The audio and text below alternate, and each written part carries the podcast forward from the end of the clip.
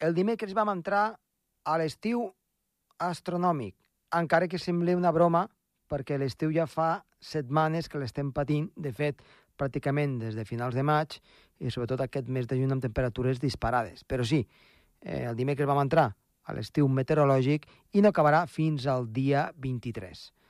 Esperem que en el programa d'avui doncs, es puguin refrescar una mica perquè parlarem de doncs, certes coses que tenen a veure amb la meteorologia i amb un temps una mica més fresquet. Ara ho veuran. Comença el torn.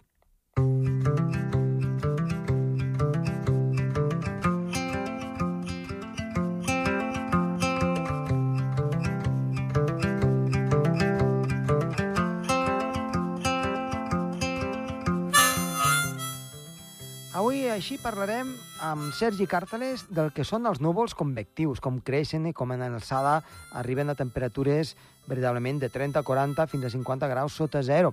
Per tant, com dèiem, ens refresquem una mica en veure com creixen aquests núvols i després acaben donant tempestes. I també anirem en alçada a refrescar-nos una mica amb els avions. Continuem el tercer programa per acabar doncs, d'aquesta doncs, sèrie amb Josep Maria Gasca, que ens parla doncs, de les avions i tots els seus intríngulis que hi ha quan viatgem amb ells i des del punt de vista meteorològic i físic, doncs, què és el que ens afecta i com arriben a aterrar sense cap problema. Esperem que aquest programa els agradi. Comença el torn.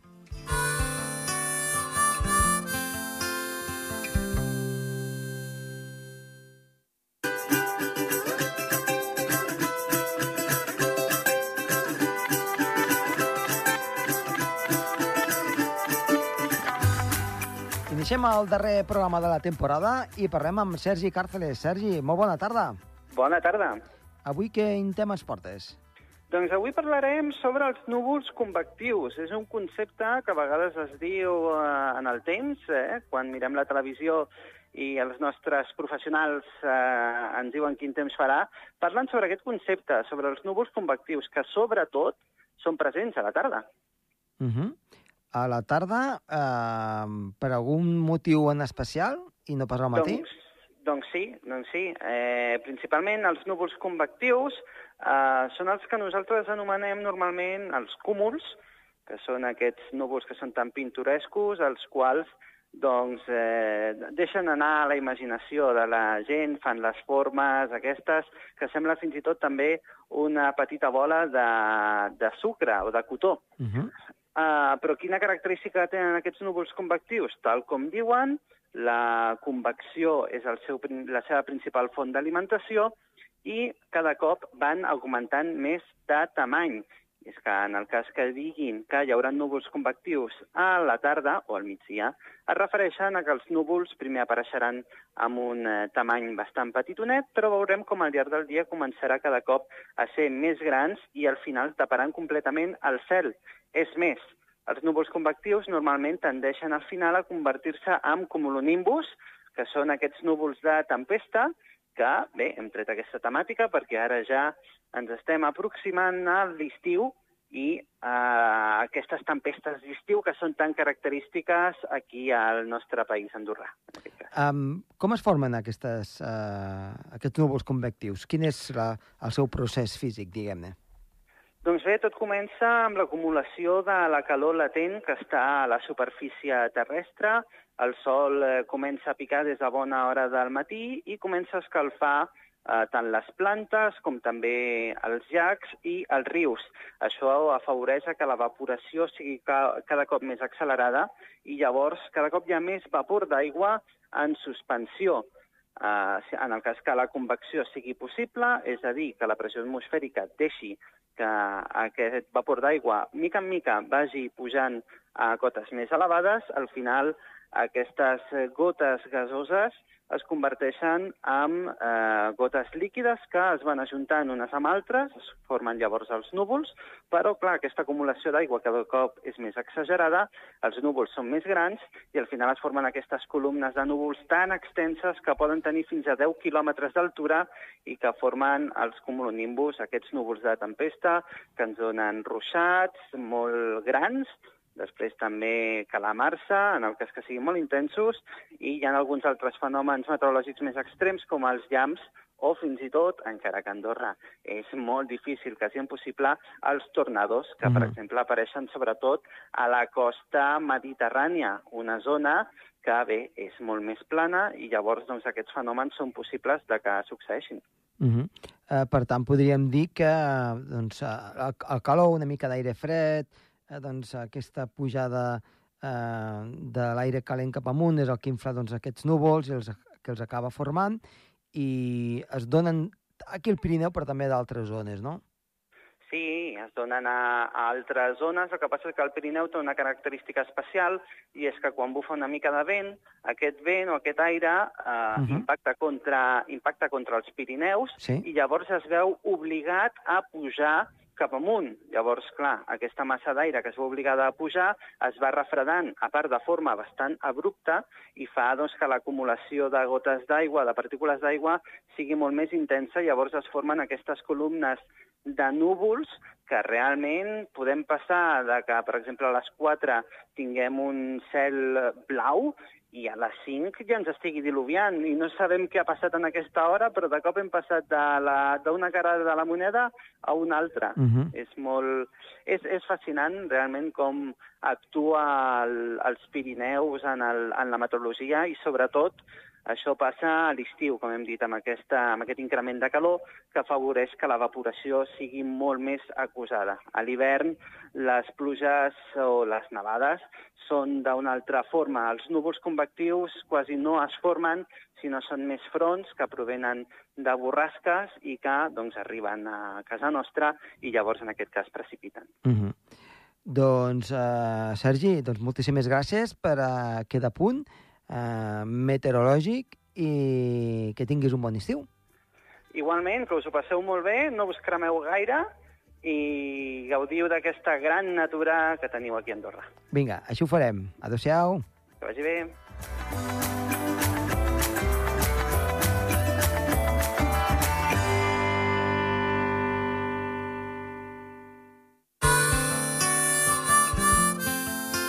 El Torb, amb Josep Tomàs.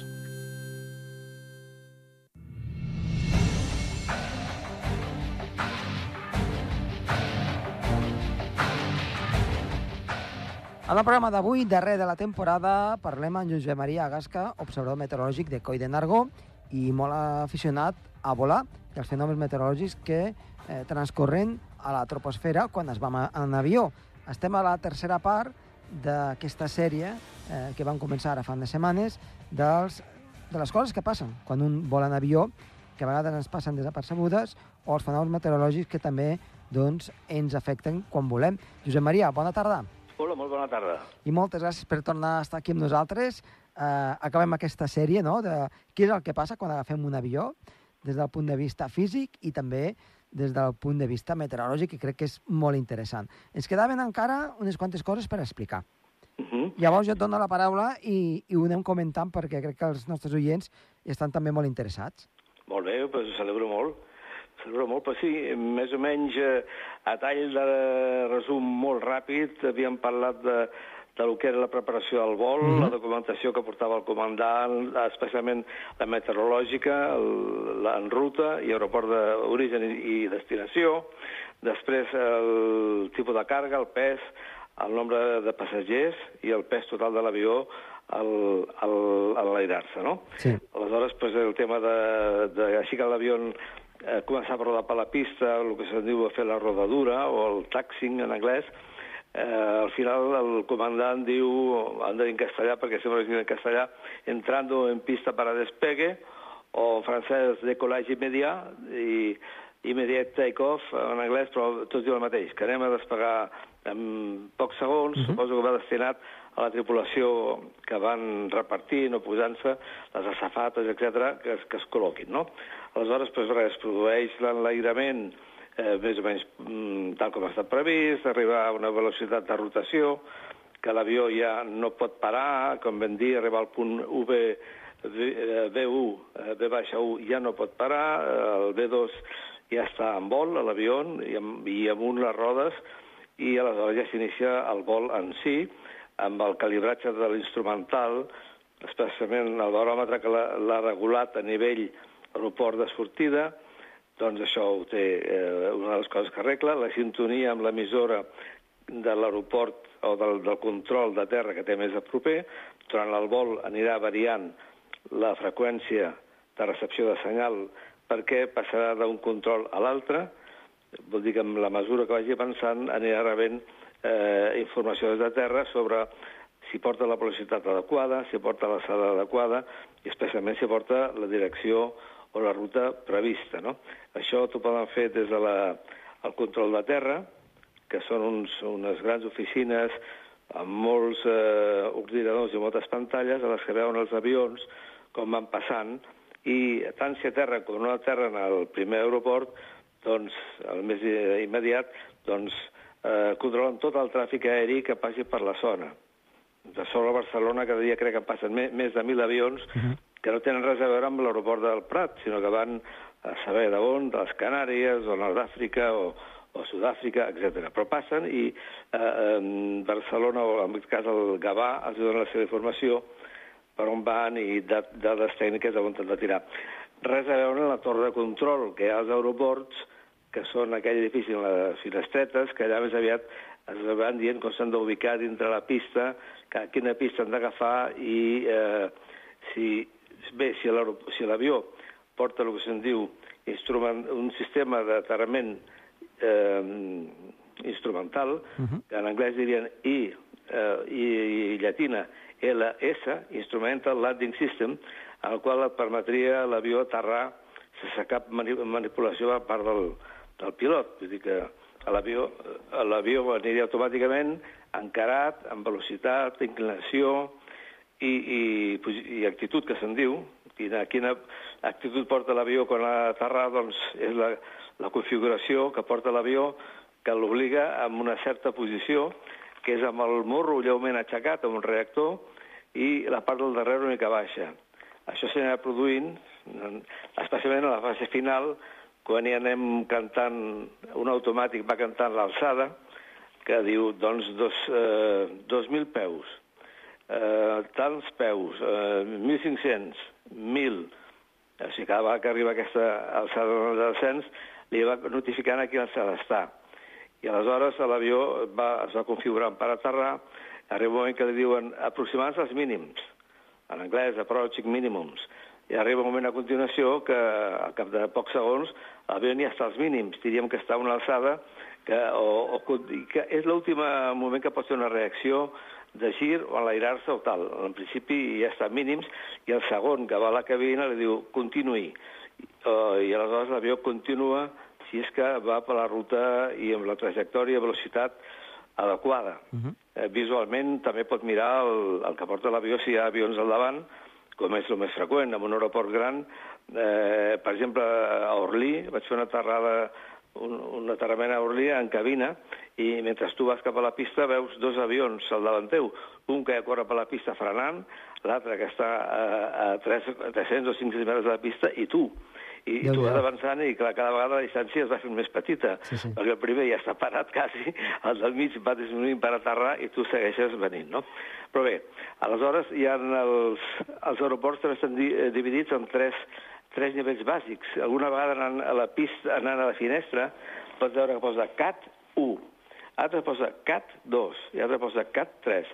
Vol dir, categoria 1, 2 o 3 de l'aeroport eh, dona el grau de, diguem-ne, de, a veure, de perfecció dels sistemes propis de l'aeroport per poder entrar doncs, només amb, amb, amb, amb visió, o sigui, sense instrumental, o totalment instrumental. A nivell 1 és el més fàcil, diríem, el 2 ja és una mica més complicat, i el tercer ja pot anar sense visual, no? I això és l'aproximació com funciona. Uh -huh. Sàpigues que si estàs en una, en una capçalera de pista i el girar veus un número, doncs, eh, Cat 1, que no està dintre una mena de capelleta, doncs això és el que hi ha. Des, després dels aeroports posa, bueno, molts no, tots els aeroports, posa la pista, el número de pista, el número, per exemple, 23L, 23R. Vol dir els graus d'inclinació eh, amb el nord, eh, sí, amb el nord eh, magnètic, uh -huh. i el left o right, o sigui, una és la pista de l'esquerra, l'altra és de la dreta i des de terra diuen "Au- autoritzat per prendre, per aterrar la pista L23. Vol dir que ell va a la- a l'esquerra, a l'est, número 23. Això no hi ha dubte. I tots els aeroports tenen sempre això i una mena de pessebre, que veiem una sèrie de ratlles blanques, sí. que, que bàsicament és per orientació. Eh, Em sembla que fan 6 metres cada una d'aquestes ratlles. Clar. I és només per, per entrar. Um, Per tant, eh, perdona, eh, si, si les pistes estan orientades, eh, per exemple, cap a l'oest, Mhm. eh, clar, em, diguem-ne doncs, que marcarà els graus respecte al nord a, a l'oest. En aquest cas, doncs, eh, serien, si no m'equivoco, 270 graus. Sí, però jo crec que les construeixen eh, d'una forma tal Sí, que es mouen entre, el, entre els, els 0 i els 30 o D'acord. 40. Veu sempre una numeració d'aquest tipus perquè a l'hora de fer una pista doncs hem de buscar una sèrie de, de factors eh, importants, eh, com són, jo crec, l'orientació entre uns certs graus i no de- d'est a oest no, no s'acosten a veure. A més a més van de nord a sud, o nord-est a sud-oest i tal, no? Llavors, con les L's i les R's. Uh Mhm. -huh. Una curiositat són la... quan hi ha un problema a bord, eh, amb un passatger o alguna cosa sèria, les asafates o la, la sobrecàrrec pot, pot cridar el comandant en tres possessions d'aquells timbres que hi ha. Quan vols demanar alguna cosa, el ting-tong, que porten... Vol un cafè, val? Doncs en tres trucades seguides, pom, pom, pom, vol dir que hi ha un problema i que aleshores eh, la tripulació de cabina del davant, els pilots han de veure què hi ha, no? Una altra curiositat és el, quan hi ha un problema seriós d'una avaria sobtada que passa a vegades, normalment se sent un soroll molt fort de l'avió, cataclong molt fort, o una vibració molt forta, o que un motor fa una vibració i es para. Eh, això és la, una avaria sobtada, que en més casos han de, dir, han de dir Mayday, Mayday, Mayday tres vegades. Mayday, el número de vol i la ruta que està fent. I llavors de terra, doncs, mm, prioritat màxima perquè que té problemes, aquest avió, i llavors li diuen com ha de proseguir. El Mayday, que jo em pensava, i molta gent es pensava abans que volia dir dia de maig, que sembla que és el que mana, Sí. eh, és més curiós perquè és que eh, va sortir de, de que hi havia molts vols entre França i Anglaterra, i llavors en francès deia Mayday, eh, m'ajuda, M apòstrof A-D, i Mayday, Mayday, Mayday va quedar en Mayday, Mayday, perquè Ah, era d'acord. fàcil de dir. Però el Mayday el ve, ve d'aquí, no? O sigui que el del Mayday... Tal. És curiós, això. Aleshores, també la, termi- la, la, les xifres que belluga un comandant d'un avió són complexes, però són molt variades, perquè van des de peus per alçada, milles per distància, mil·libars per, per pressió, nusos també surten, i clar, eh, segons com, doncs són milles. Si està parlant d'alçada, parlarà de 30.000 peus o 36.000 peus, que sabem que són 12.000 metres, dividit per 3. Però això a vegades pot complicar. La pressió, sabem que ha mil·libars, però els aparells tots s'han de coordinar entre ells, els avions, perquè marquin la mateixa alçada, a- Clar. la mateixa pressió al mateix moment. O sigui, no aniria per aquí, l'altre aniria per allà. I bé, aquí podria estar parlant molt rato, però eh, què ha vist, eh, quins són els avisos d'última hora que fa un avió automàtic, eh, un reactor, diem, al, a la tripulació perquè corregeixi la situació, que és pull up, pull up, pull up, que vol dir aixeca'l, aixeca'l, aixeca'l. Quan l'avió s'acosta molt al terreny, vull dir que està a punt de xocar al terreny, va dient terreny, terreny, terreny, terreny, sense més. Vull dir que mm, això ja, quan estem a aquests punts, estem en uns punts bastant finals. Uh, una altra cosa són els sorolls que es poden sentir entre un avió, uh Mhm. -huh. catacroc, que dius, què ha passat ara? Exacte, a vegades, a vegades preocupa això, eh? Sí, sí, sí. Normalment és la, la baixada del tren d'aterratge quan estàs arribant a l'aeroport o Clar. quan el recullen quan surten. Però fa un cloc molt sec i dius, uix, aquí s'ha trencat algú. Uh, altres coses ja foren més accidentals, que patés un, un motor a tocar terra, que una falsa explosió, si imagines si un cotxe fa soroll, un avió que hagi fet una mala cremada de querosè, quan toca terra i posa reversa per frenar, doncs és un, un estampit sònic Clar. bastant impressionant, eh? bastant impressionant.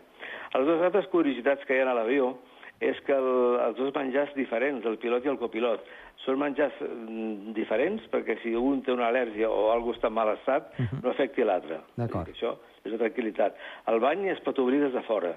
Des que va passar allò d'aquell d'Eurovix, crec que va ser als Alps, eh, es pot obrir, el bany es pot obrir des de fora. La cabina té una, un clau, una clau secreta, uns números que la, un tripulant pot obrir. Al principi, si un tripula amb el vàter, eh, un altre, eh, encara que sigui sobrecàrrec, ha d'ocupar el seu lloc. També interessant que molts avions poden volar amb tres motors. Un quatrimotor amb tres motors pot volar 5 o 6 hores. Després, l'oxigen aquell que es dura, les màscares d'antioxígeno en cas de despreciació de la cabina, tal, duren de 12 a 22 minuts, vull dir que dura bastanta estoneta.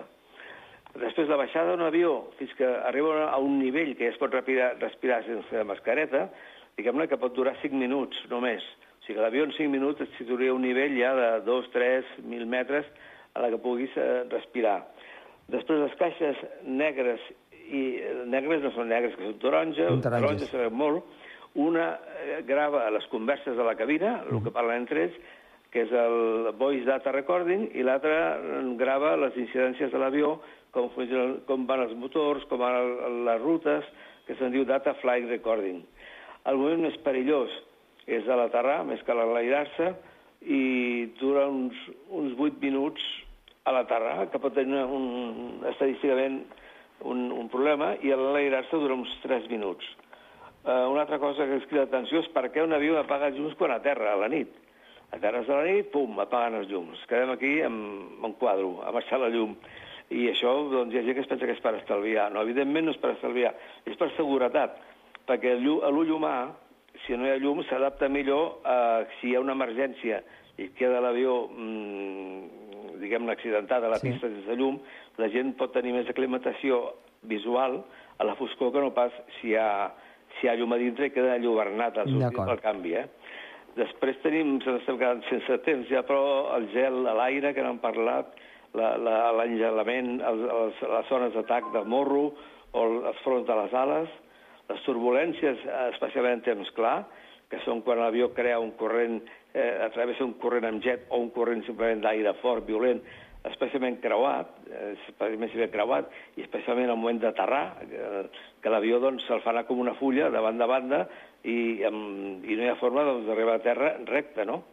Altres fenòmens poden ser una pedregada amb avió, que jo l'he viscut, i he viscut una pedregada molt forta amb un avió, i un llamp que m'ha caut l'avió una vegada, que també és una experiència interessant, si t'agrada la meteorologia, però que no faria gaire sovint.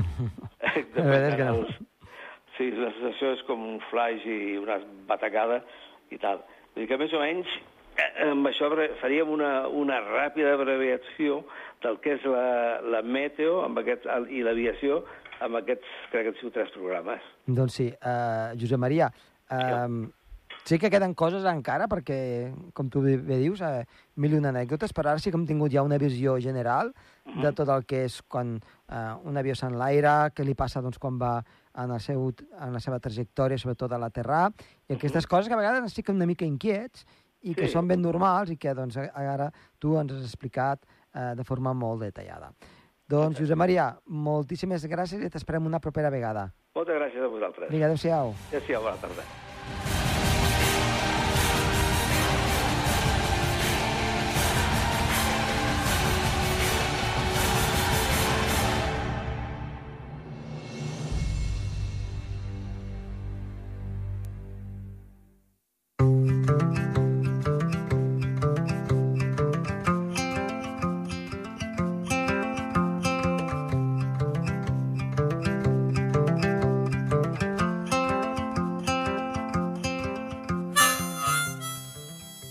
Acabem el programa i també acabem la temporada. Esperem que aquesta temporada hagin gaudit amb nosaltres dels diversos programes que els hi hem ofert i també de les diferents temàtiques. Ha estat amb nosaltres a les vides de so Toni Escur i qui els ha parlat amb molt de gust, Josep Tomàs Bosch. Adéu-siau.